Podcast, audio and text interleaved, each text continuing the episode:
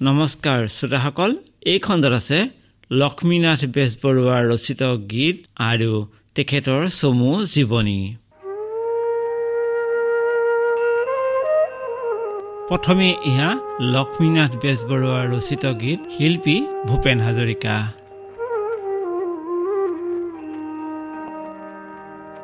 মোৰ একেটি সুৰত বাহিতি বাঁধা। একেটি মাথন মার। একেটি মাথন মার। রাতিয়ে দিনে এটি হুমুনিয়া। একেটি আনন্দতা একেটি আনন্দ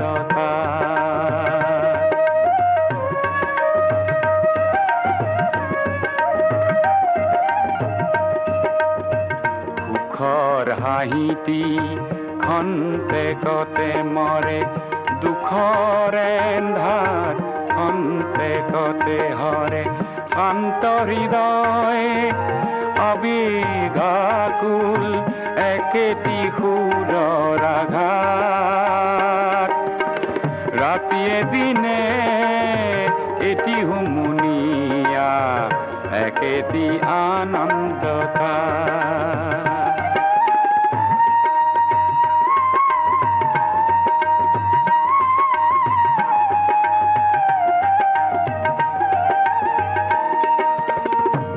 উদকপানি সপ্তম পঞ্চম উচ্ছারে একমে দ্বিতীয়ম সুখর যাতনা সুখর বাসনা, মিহলি কেতিতা ৰাতিয়ে দিনে এটি হুমুনিয়া, একেটি আনন্দ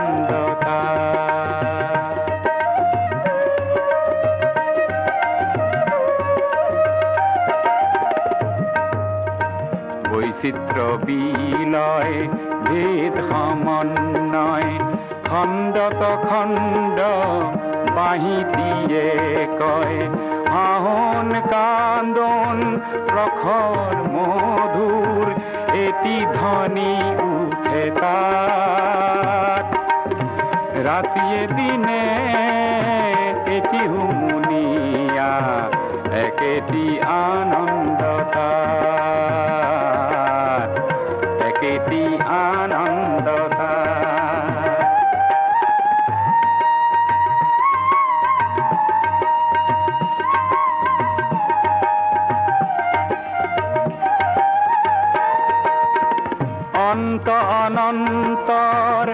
মাজত আসন বাজে আত্মবিলোপন। শুনাহে শুনাহে অমৃত সন্তান আত্মা পৰমাত্মা একেটি সুৰত বাঁহীটি বন্ধা, একেটি মাথোন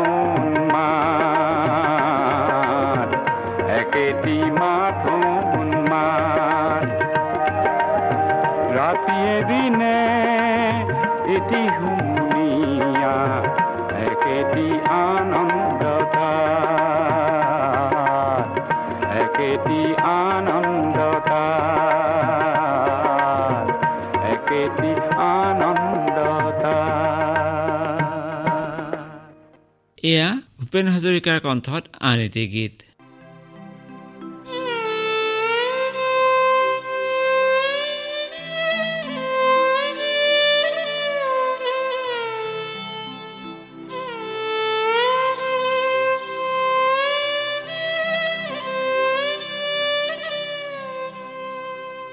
সুখীহে কি কমে দুখৰে কথা জেৰেঙা পথাৰত গাঁঠি হাজৰিকাৰ চমতাৰ কোপ খাই খাই জয়মতী ভাগৰি পৰিছে। কোনোবা পথিকে গাইছে দুখৰ কথা সুৰবিন্যাসত গীতটিত কিছু পশ্চিমীয়া সংগীতৰ প্ৰভাৱ পৰিছে। মালুতীৰে চাকি খোপাতে পিন্ধিলোঁ।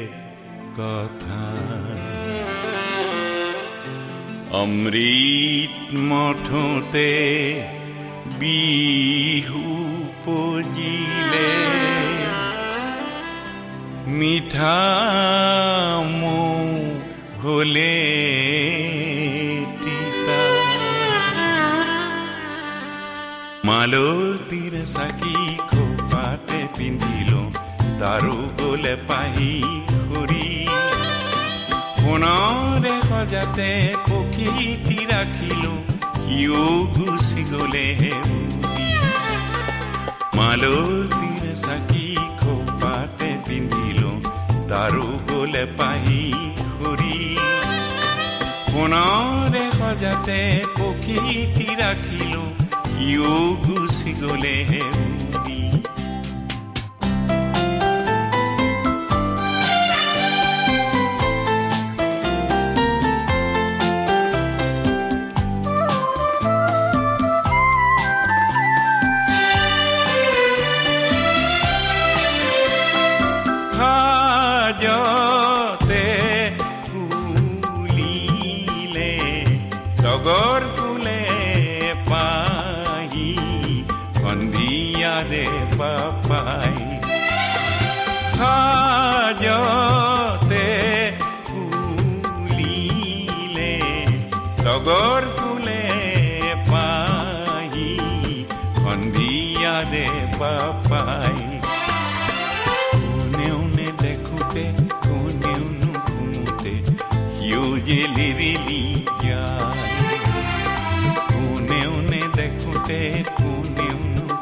নুশুনোতে সিও যে লিৰিলি যায় মালতীৰ চাকি খোপাতে পিন্ধিলো তাৰো গলে পাহি সৰি সোণৰে সজাতে পক্ষীটি ৰাখিলো সিও গুচি গলে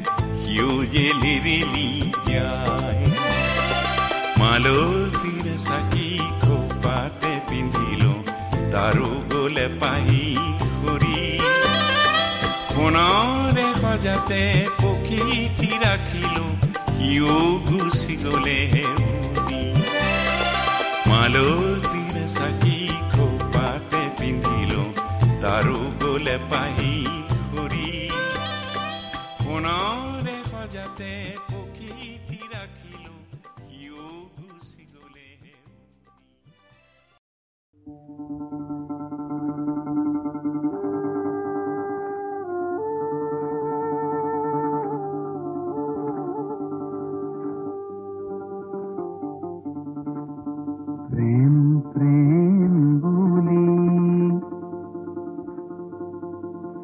ঘরতে ঘূৰিল ঘৰতে আছিলে প্ৰেম ধনে ধনে কৰি ঢাপলি মিলিল। এহিয়াতে পরমে ধনে গুরু শঙ্কর গুরু শঙ্কর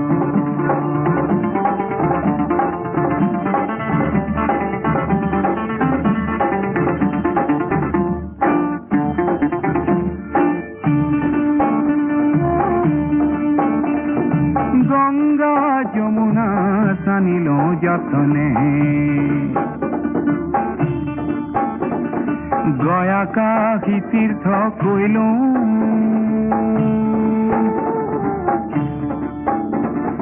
ইয়াৰ ঈশ্বৰ ইয়াতে আছিলে কৰবাত বিচাৰি মৰিলো হে গুৰু শংকৰ গুৰু শংকৰ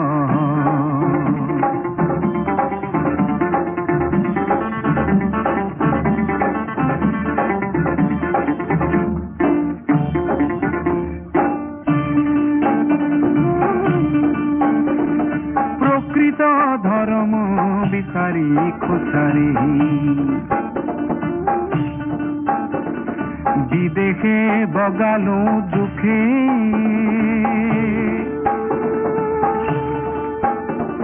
নিজৰ দেশৰ নিৰ্মল ধৰম নামঘৰৰ দুৱাৰ মুখে। গুৰু শংকৰ গুৰু শংকৰ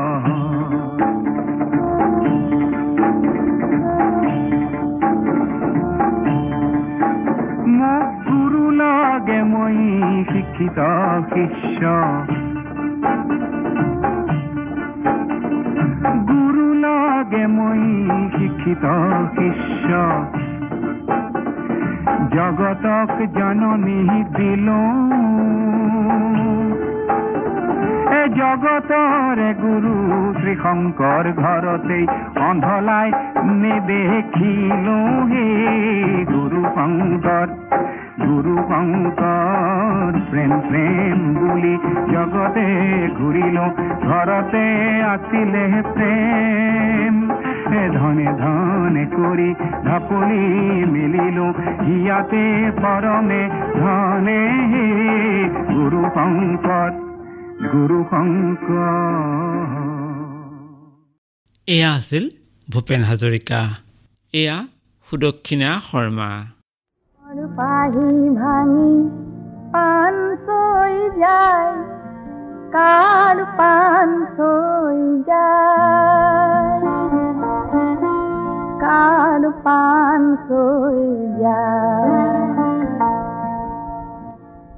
পদুমর পাহি ভাঙি, পান সই যায়, কার পান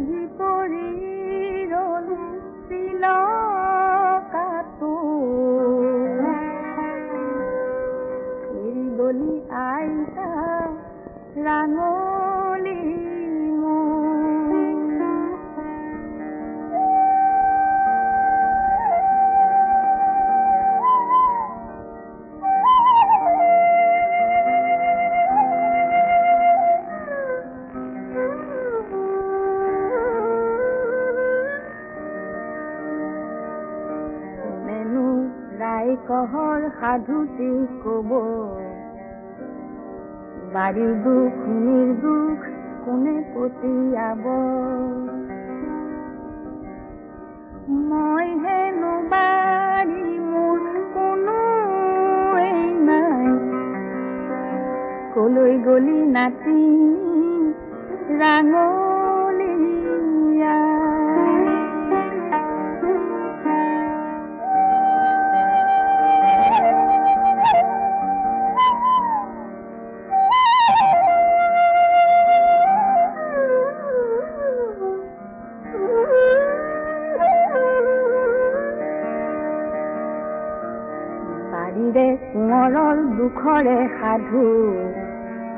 শুনি মই বিলাপো দুখতে কান্দো।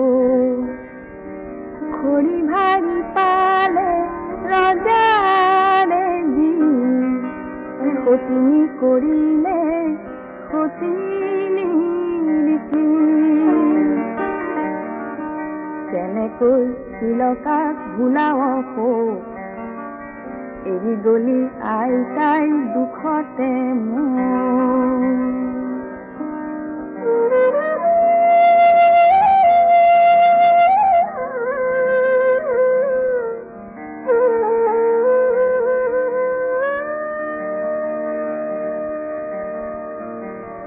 ৰাঙলী আইতা মোৰ কলৈনো গলি চেনেহৰ চিলকা কাৰ বুকুত দিলি। উঠাই ৰাঙলী নাযাবি এৰি মপুটোৰ লগতে লৈ যা মাৰি পাপ কৰিলো একো নেজানো মোৰ প্ৰভু দেউ সদায় মই কান্দো। তিলকা হেনো তোৰ তামোলৰ দাবি। বুকুৰে তিলকা বুকুতে থবি।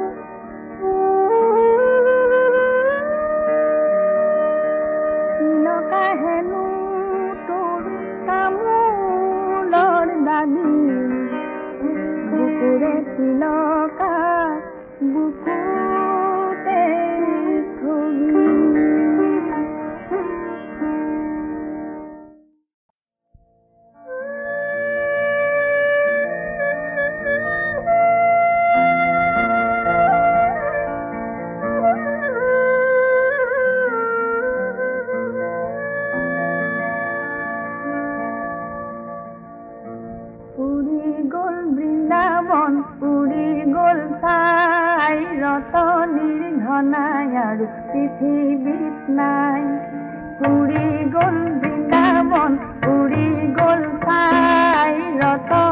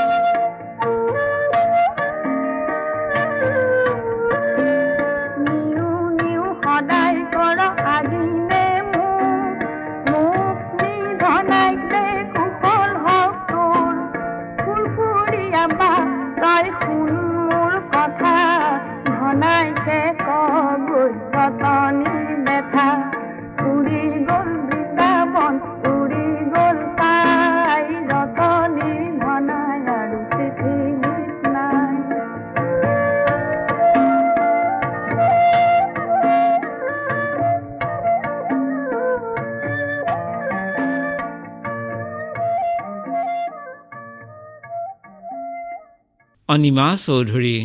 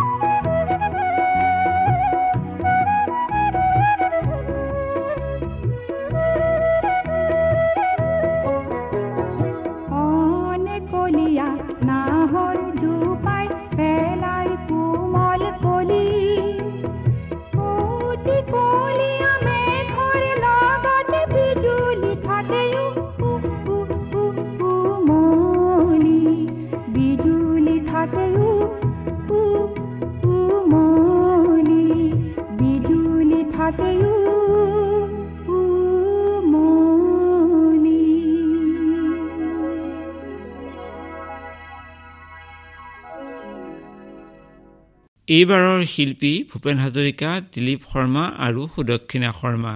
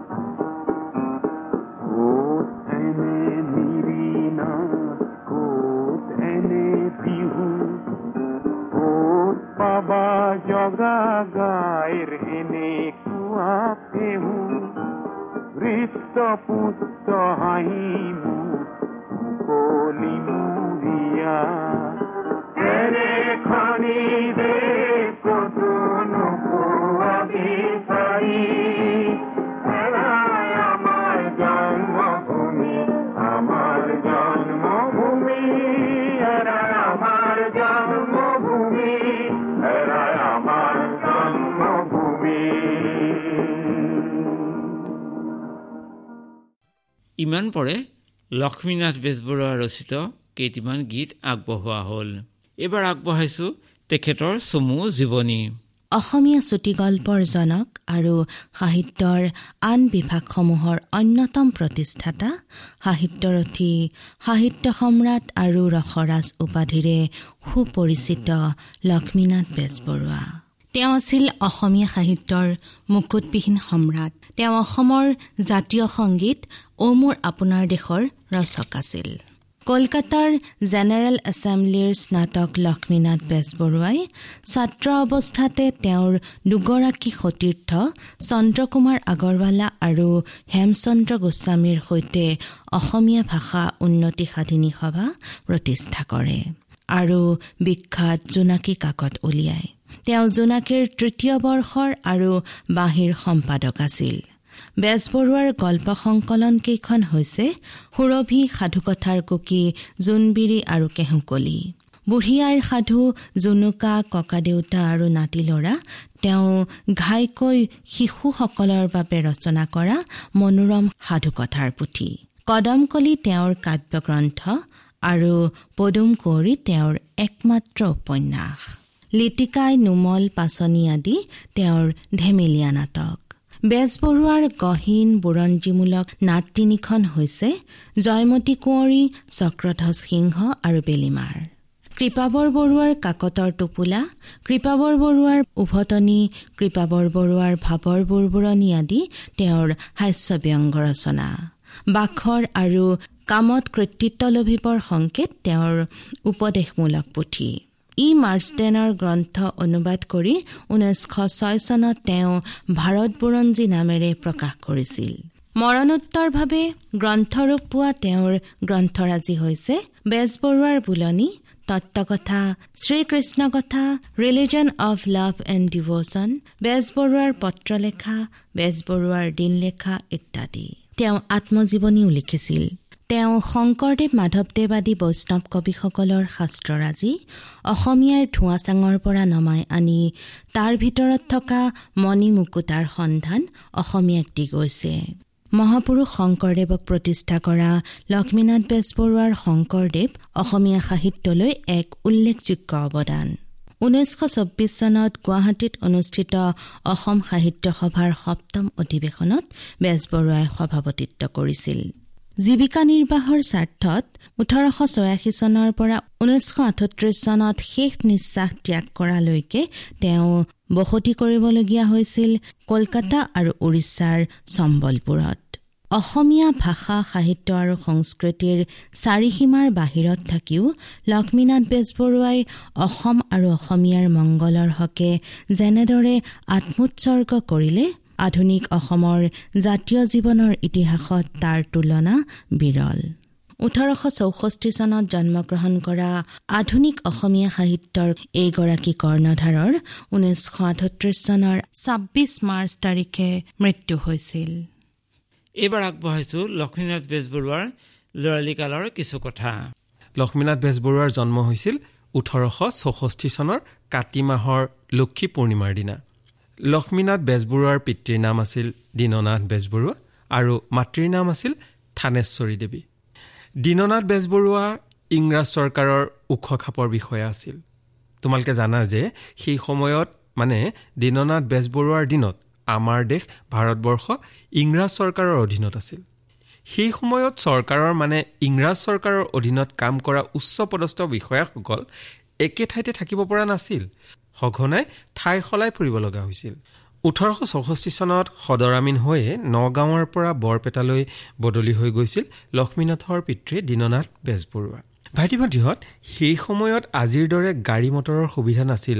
আনকি গাড়ী ঘোঁৰাৰো ব্যৱস্থা নথকাত দীননাথ বেজবৰুৱা ডাঙৰীয়াই সপৰিয়ালে নাৱেৰে বৰপেটালৈ যাওঁতে ওঠৰশ চৌষষ্ঠি চনৰ লক্ষী পূৰ্ণিমাৰ দিনা মৰিগাঁও জিলাৰ আহঁতগুৰি নামে ঠাইত লক্ষ্মীনাথৰ জন্ম হয়। লক্ষ্মীনাথ বেজবৰুৱাৰ বাল্যকালৰ প্ৰথম তিনি বছৰ বৰপেটাত অতিবাহিত হৈছিল।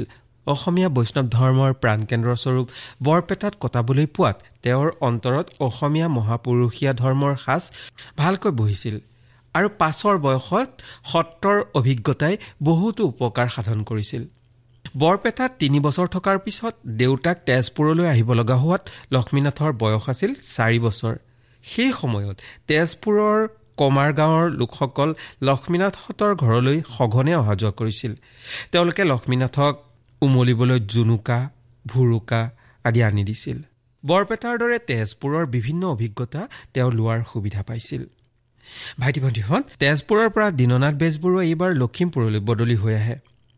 লখিমপুৰলৈ লক্ষ্মীনাথহঁতৰ লগত আহে তেওঁলোকৰ অবৈতনিক অভিভাৱক ৰবি ককা। ৰবি ককাই লক্ষ্মীনাথহঁতক সকলো দিশতে চোৱা চিতা কৰিছিল। ৰবি ককাই শাসনো কৰিছিল কিন্তু। লাহে লাহে লক্ষ্মীনাথ ডাঙৰ হৈ আহিল। তেখেতৰ বাল্যকাল সাধাৰণ অসমীয়া অভিজাত বংশৰ ল'ৰাৰ দৰে ডাঙৰ দীঘল হৈছিল। দেউতাকৰ শাসন যথেষ্ট আছিল। সেই শাসনৰ বাবে লক্ষ্মীনাথতে বাল্যকালৰ পৰা বংশৰ মৰ্যাদা ৰখাই নিয়ম কানুন মানি চলিবলৈ শিকিছিল। ভাইটি ভণ্টিহঁত লখিমপুৰত থাকোঁতে লক্ষ্মীনাথৰ শিক্ষা আৰম্ভ হয়। নিয়মতে বিদ্যাৰম্ভ কৰাৰ পাছত লিখা পঢ়াত মন দিয়ে। বিদ্যাৰম্ভ কৰাৰ লগে লগে ৰবি ককাই লক্ষ্মীনাথক শিক্ষাৰ দিশত আগবঢ়াই লৈ গ'ল। বিদ্যাৰম্ভ কৰাৰ পিছত লক্ষ্মীনাথে বঙালী শিশু শিক্ষা পঢ়িবলৈ আৰম্ভ কৰে। ইয়াৰ পিছত শিৱসাগৰলৈ আহি শিৱসাগৰত ইংৰাজী বিদ্যালয়ত নিয়মমতে পঢ়িবলৈ আৰম্ভ কৰে। শিৱসাগৰতে তেখেতে বাল্য জীৱনৰ শেষ চোৱা কটালে। লক্ষ্মীনাথে শিৱসাগৰত চৰকাৰী বিদ্যালয়ত শিক্ষাৰম্ভ কৰাৰ পৰাই ইংৰাজী সংস্কৃত অসমীয়া আদি খৰচি মাৰি পঢ়িছিল। সেই সময়ত অসমীয়া পঢ়াশালীবিলাকত অসমীয়া ভাষাই আকৌ ঠাই পাইছিল। লক্ষ্মীনাথ বেজবৰুৱাই সৰুৰে পৰা খৰচি মাৰি পঢ়াৰ কাৰণে ভৱিষ্যত জীৱনত ইংৰাজী সংস্কৃত আদি ভাষাৰ জৰিয়তে পূব আৰু পশ্চিমৰ সকলো জ্ঞান আহৰণ কৰাত সুবিধা পালে। পঢ়াৰ সময়ছোৱাত পুৰণি ইতিবৃত্ত সাধু আদি শুনা লক্ষ্মীনাথৰ অভ্যাস আছিল। বুঢ়া বুঢ়ীসকলৰ পৰা এইবোৰ শুনিবলৈ পালে তেওঁ খোৱা খোৱা পৰ্যন্ত পাহৰি গৈছিল।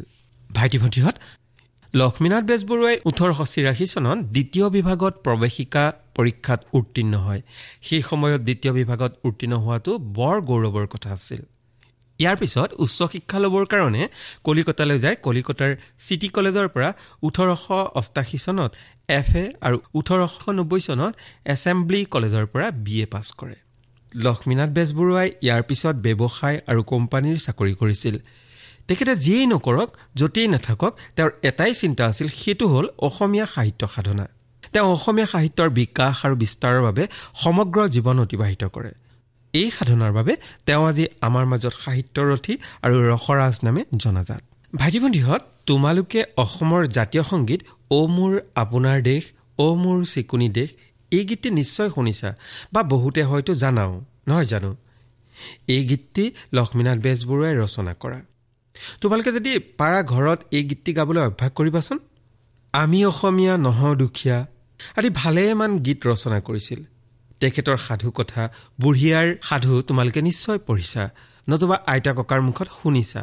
জুনুকা ককাদেউতা আৰু নাতি ল'ৰা আৰু বাখৰ তেখেতৰ আন কেইখনমান সাধু কথা। লক্ষ্মীনাথে কবিতা নাটক উপন্যাস চুটিগল্প সমালোচনা ৰস ৰচনা জীৱনী আদি নানা সাহিত্যৰে ভাষা আৰু জাতিক সমৃদ্ধি কৰি গৈছে। ভাইটি ভণ্টিহঁত এইজনা ব্যক্তিৰ পৰলোক প্ৰাপ্তি হয় ঊনৈছশ আঠত্ৰিছ চনৰ ছাব্বিছ মাৰ্চত ডিব্ৰুগড় চহৰত। এই খণ্ডত লক্ষ্মীনাথ বেজবৰুৱাৰ ৰচিত গীত আৰু তেখেতৰ চমু জীৱনী আগবঢ়োৱা হ'ল। আজিৰ খণ্ড ইমানতে সামৰিছোঁ। নমস্কাৰ।